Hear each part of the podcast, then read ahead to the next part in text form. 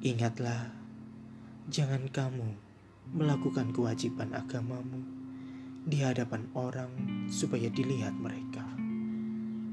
Karena jika demikian, kamu tidak beroleh upah dari Bapamu yang di surga.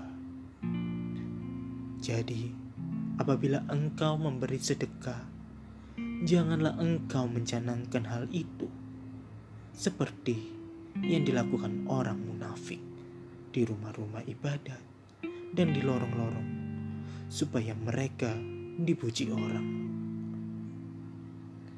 Aku berkata kepadamu, sesungguhnya mereka sudah mendapat upahnya. Tetapi jika engkau memberi sedekah, janganlah diketahui tangan kirimu apa yang diperbuat tangan kananmu. Hendaklah sedekahmu itu diberikan dengan tersembunyi, maka Bapamu yang melihat yang tersembunyi akan membalasnya kepadamu.